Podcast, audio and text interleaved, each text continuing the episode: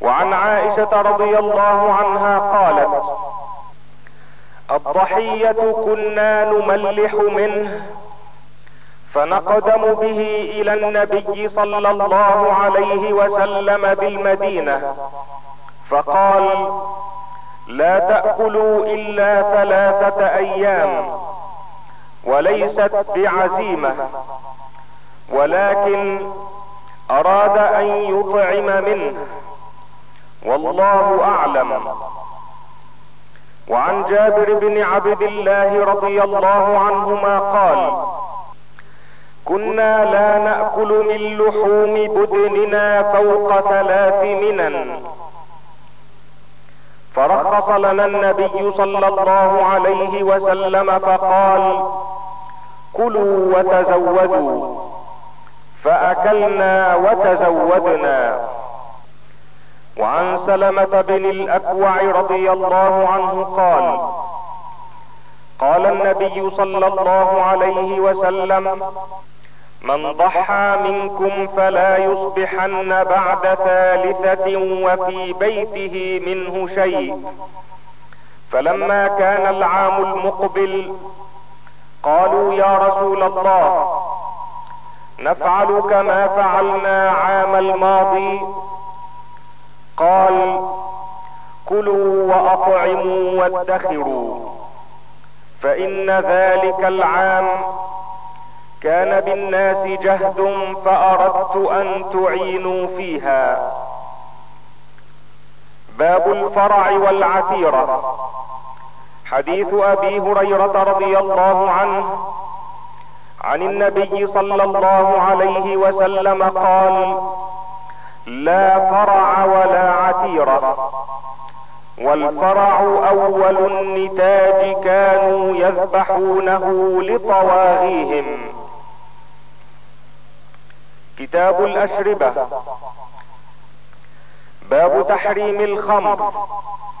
وبيان أنها تكون من عصير العنب ومن التمر والبسر والزبيب وغيرها مما يسكر.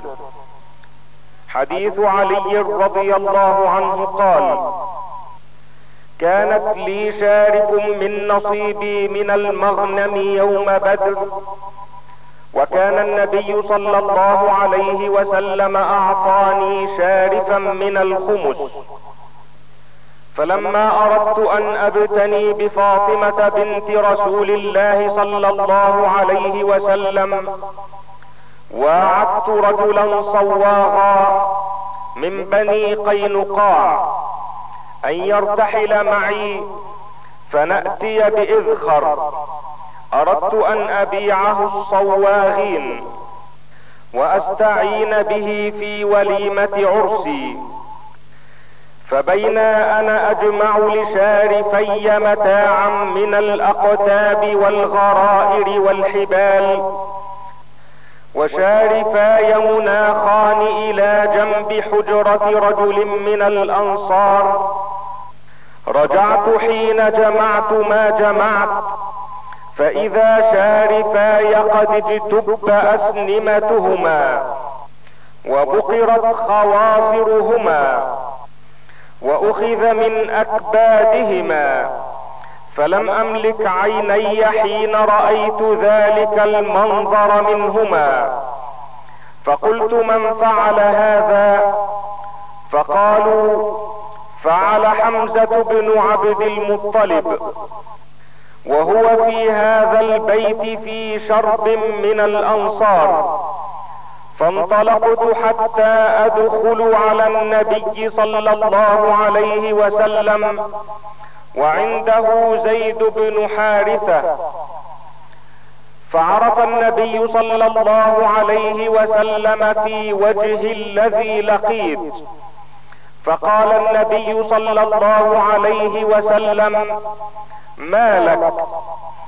فقلت يا رسول الله ما رأيتك اليوم قط عدا حمزة على ناقتي فأجب أسنمتهما وبقر خواصرهما وها هو ذا في بيت معه شرب فدعا النبي صلى الله عليه وسلم بردائه فارتدى ثم انطلق يمشي واتبعته أنا وزيد بن حارثة حتى جاء البيت الذي فيه حمزة فاستأذن فأذنوا له فإذا هم شرب فطفق رسول الله صلى الله عليه وسلم يلوم حمزة فيما فعل.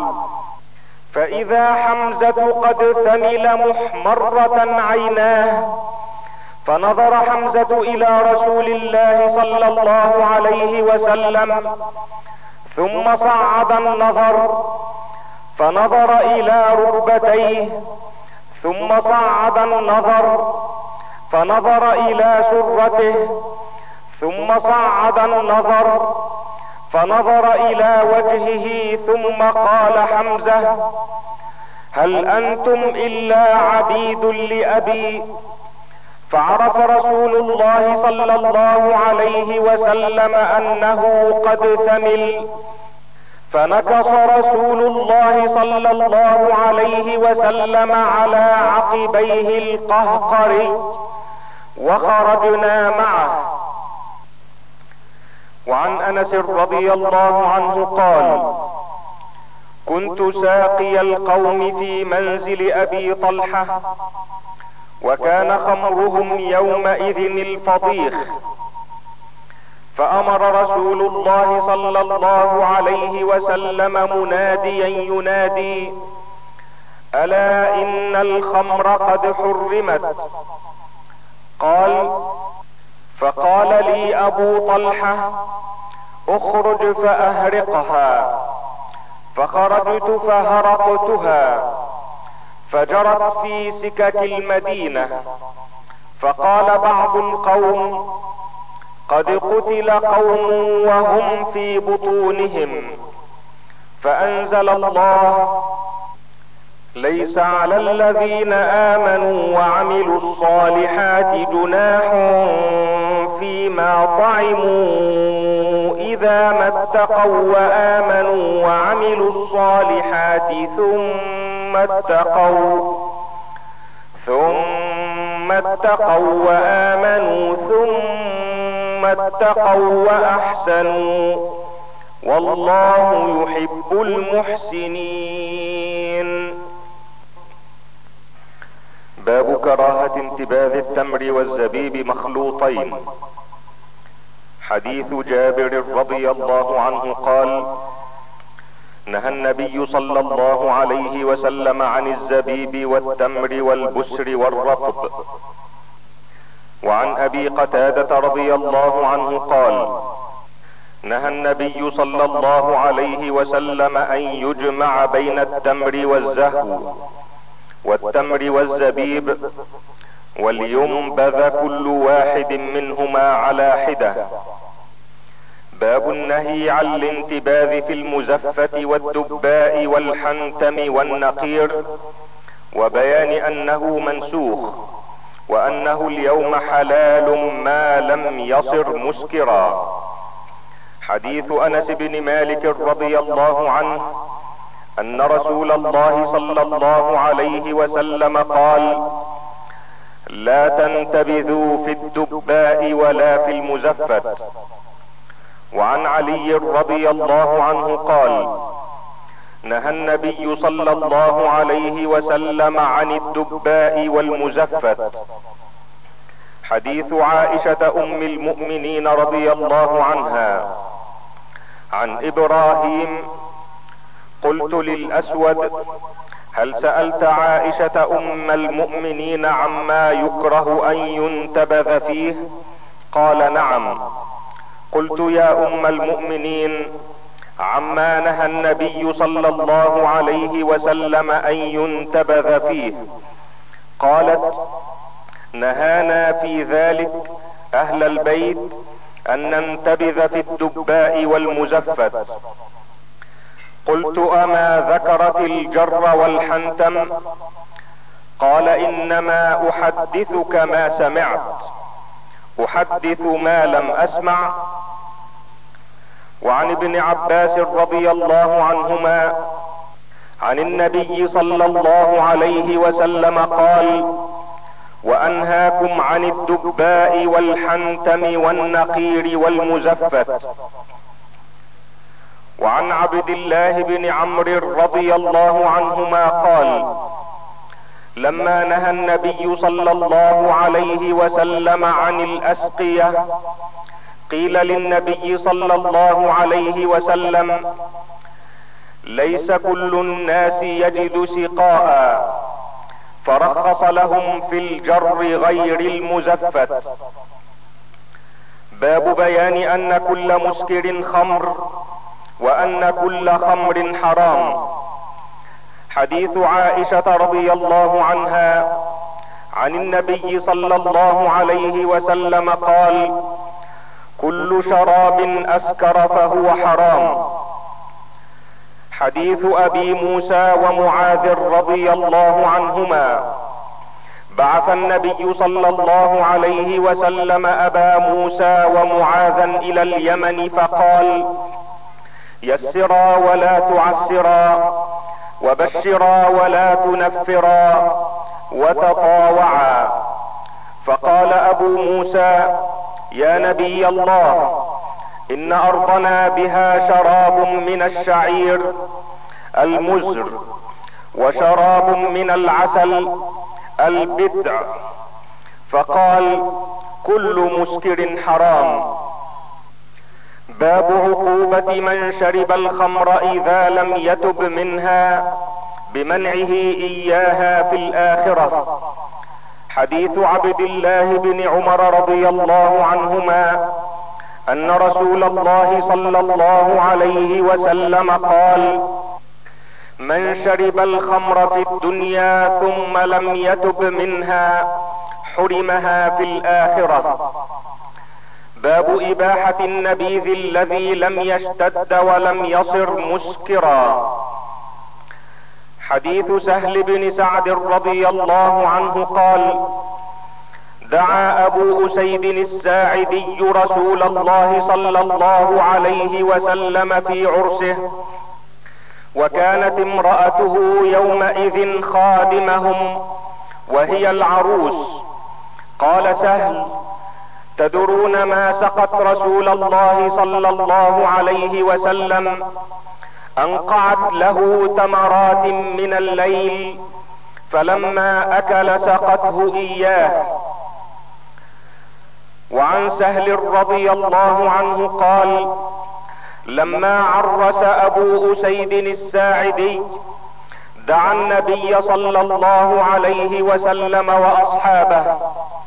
فما صنع لهم طعاما ولا قربه إليهم إلا امرأته أم أسيد بلت تمرات في تور من حجارة من الليل فلما فرغ النبي صلى الله عليه وسلم من الطعام أماثته له فسقت تتحفه بذلك وعن سهل بن سعد رضي الله عنه قال ذكر للنبي صلى الله عليه وسلم امرأة من العرب فأمر أبا أسيد الساعدي أن يرسل إليها فأرسل إليها فقدمت فنزلت في أجم بني ساعدة فخرج النبي صلى الله عليه وسلم حتى جاءها فدخل عليها. فإذا امرأة منكسة رأسها. فلما كلمها النبي صلى الله عليه وسلم قالت أعوذ بالله منك. فقال قد أعذتك مني. فقالوا لها أتدرين من هذا؟ قالت لا. قالوا هذا رسول الله صلى الله عليه وسلم. جاء ليخطبك. قالت كنت أنا أشقى من ذلك. فأقبل النبي صلى الله عليه وسلم يومئذ حتى جلس في سقيفة بني ساعدة هو وأصحابه. ثم قال اسقنا يا سهل. فخرجت لهم بهذا القدح فأسقيتهم فيه. قال الراوي فأخرج لنا سهل ذلك القدح فشربنا منه. قال ثم استوهبه عمر بن عبد العزيز بعد ذلك فوهبه له. باب جواز شرب اللبن. حديث أبي بكر الصديق رضي الله عنه. عن أبي إسحاق قال سمعت البراء رضي الله عنه قال لما أقبل النبي صلى الله عليه وسلم إلى المدينة تبعه سراقة بن مالك بن جعشم فدعا عليه النبي صلى الله عليه وسلم فساخت به فرسه. قال ادع الله لي ولا أضرك. فدعا له. قال فعطش رسول الله صلى الله عليه وسلم فمر براع. قال أبو بكر فأخذت قدحا فحلبت فيه كثبة من لبن. فأتيته فشرب حتى رضيت. وعن أبي هريرة رضي الله عنه قال اتي رسول الله صلى الله عليه وسلم ليلة أسري به بإيلياء بقدحين من خمر ولبن فنظر إليهما فأخذ اللبن. قال جبريل الحمد لله الذي هداك للفطرة. لو أخذت الخمر غوت أمتك. باب في شرب النبيذ وتخمير الإناء. حديث جابر رضي الله عنه قال جاء أبو حميد رجل من الأنصار من النقيع. بإناء من لبن إلى النبي صلى الله عليه وسلم. فقال النبي صلى الله عليه وسلم ألا خمرته ولو أن تعرض عليه عودا. باب الأمر بتغطية الإناء وإيكاء السقاء وإغلاق الأبواب وذكر اسم الله عليها. وإطفاء السراج والنار عند النوم وكف الصبيان والمواشي بعد المغرب. حديث جابر بن عبد الله رضي الله عنهما قال رسول الله صلى الله عليه وسلم إذا كان جنح الليل أو أمسيتم فكفوا صبيانكم فإن الشياطين تنتشر حينئذ. فإذا ذهب ساعة من الليل فحلوهم وأغلقوا الأبواب واذكروا اسم الله فإن الشيطان لا يفتح بابا مغلقا. وعن ابن عمر رضي الله عنهما عن النبي صلى الله عليه وسلم قال لا تتركوا النار في بيوتكم حين تنامون. وعن أبي موسى رضي الله عنه قال احترق بيت بالمدينة على أهله من الليل فحدث بشأنهم النبي صلى الله عليه وسلم قال إن هذه النار إنما هي عدو لكم. فإذا نمتم فأطفئوها عنكم. باب آداب الطعام والشراب وأحكامهما. حديث عمر بن أبي سلمة رضي الله عنهما قال كنت غلاما في حجر رسول الله صلى الله عليه وسلم وكانت يدي تطيش في الصحفة فقال لي رسول الله صلى الله عليه وسلم يا غلام سم الله وكل بيمينك وكل مما يليك فما زالت تلك طعمتي بعد. وعن أبي سعيد الخدري رضي الله عنه قال نهى رسول الله صلى الله عليه وسلم عن اختناف الأسقية. يعني أن تكسر افواهها فيشرب منها. باب في الشرب من زمزم قائما.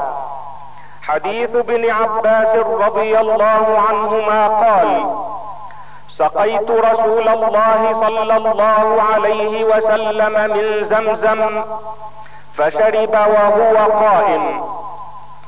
باب كراهة التنفس في نفس الإناء. واستحباب التنفس ثلاثا خارج الإناء. حديث أبي قتادة رضي الله عنه قال قال رسول الله صلى الله عليه وسلم إذا شرب أحدكم فلا يتنفس في الإناء. حديث أنس رضي الله عنه عن ثمامة بن عبد الله قال كان أنس يتنفس في الإناء مرتين أو ثلاثا وزعم أن النبي صلى الله عليه وسلم كان يتنفس ثلاثا. باب استحباب إدارة الماء واللبن ونحوهما. عن يمين المبتدئ. حديث أنس رضي الله عنه قال أتانا رسول الله صلى الله عليه وسلم في دارنا هذه فاستسقى فحلبنا له شاة لنا ثم شبته من ماء بئرنا هذه فأعطيته. وأبو بكر عن يساره وعمر تجاهه وأعرابي عن يمينه. فلما فرغ قال عمر هذا أبو بكر. فأعطى الأعرابي ثم قال الأيمنون الأيمنون ألا فيمنوا؟ قال أنس فهي سنة فهي سنة ثلاث مرات. وعن سهل بن سعد رضي الله عنه قال اتي النبي صلى الله عليه وسلم بقدح فشرب منه وعن يمينه غلام أصغر القوم والأشياخ عن يساره. فقال يا غلام أتأذن لي أن أعطيه الأشياخ؟ قال ما كنت لأوثر بفضلي منك أحدا يا رسول الله فأعطاه إياه. باب استحباب لعق الأصابع والقصعة وأكل اللقمة الساقطة بعد مسح ما يصيبها من أذى. وكراهة مسح اليد قبل لعقها. حديث ابن عباس رضي الله عنهما أن النبي صلى الله عليه وسلم قال إذا أكل أحدكم فلا يمسح يده حتى يلعقها أو يلعقها. باب ما يفعل الضيف إذا تبعه غير من دعاه صاحب الطعام واستحباب إذن صاحب الطعام للتابع. حديث أبي مسعود رضي الله عنه قال جاء رجل من الأنصار يكنى أبا شعيب فقال لغلام له قصاب اجعل لي طعاما يكفي خمسة. فإني أريد أن أدعو النبي صلى الله عليه وسلم خامس خمسة. فإني قد عرفت في وجهه الجوع. فدعاهم فجاء معهم رجل. فقال النبي صلى الله عليه وسلم إن هذا قد تبعنا. فإن شئت أن تأذن له فأذن له. وإن شئت أن يرجع رجع. فقال لا بل قد اذنت له.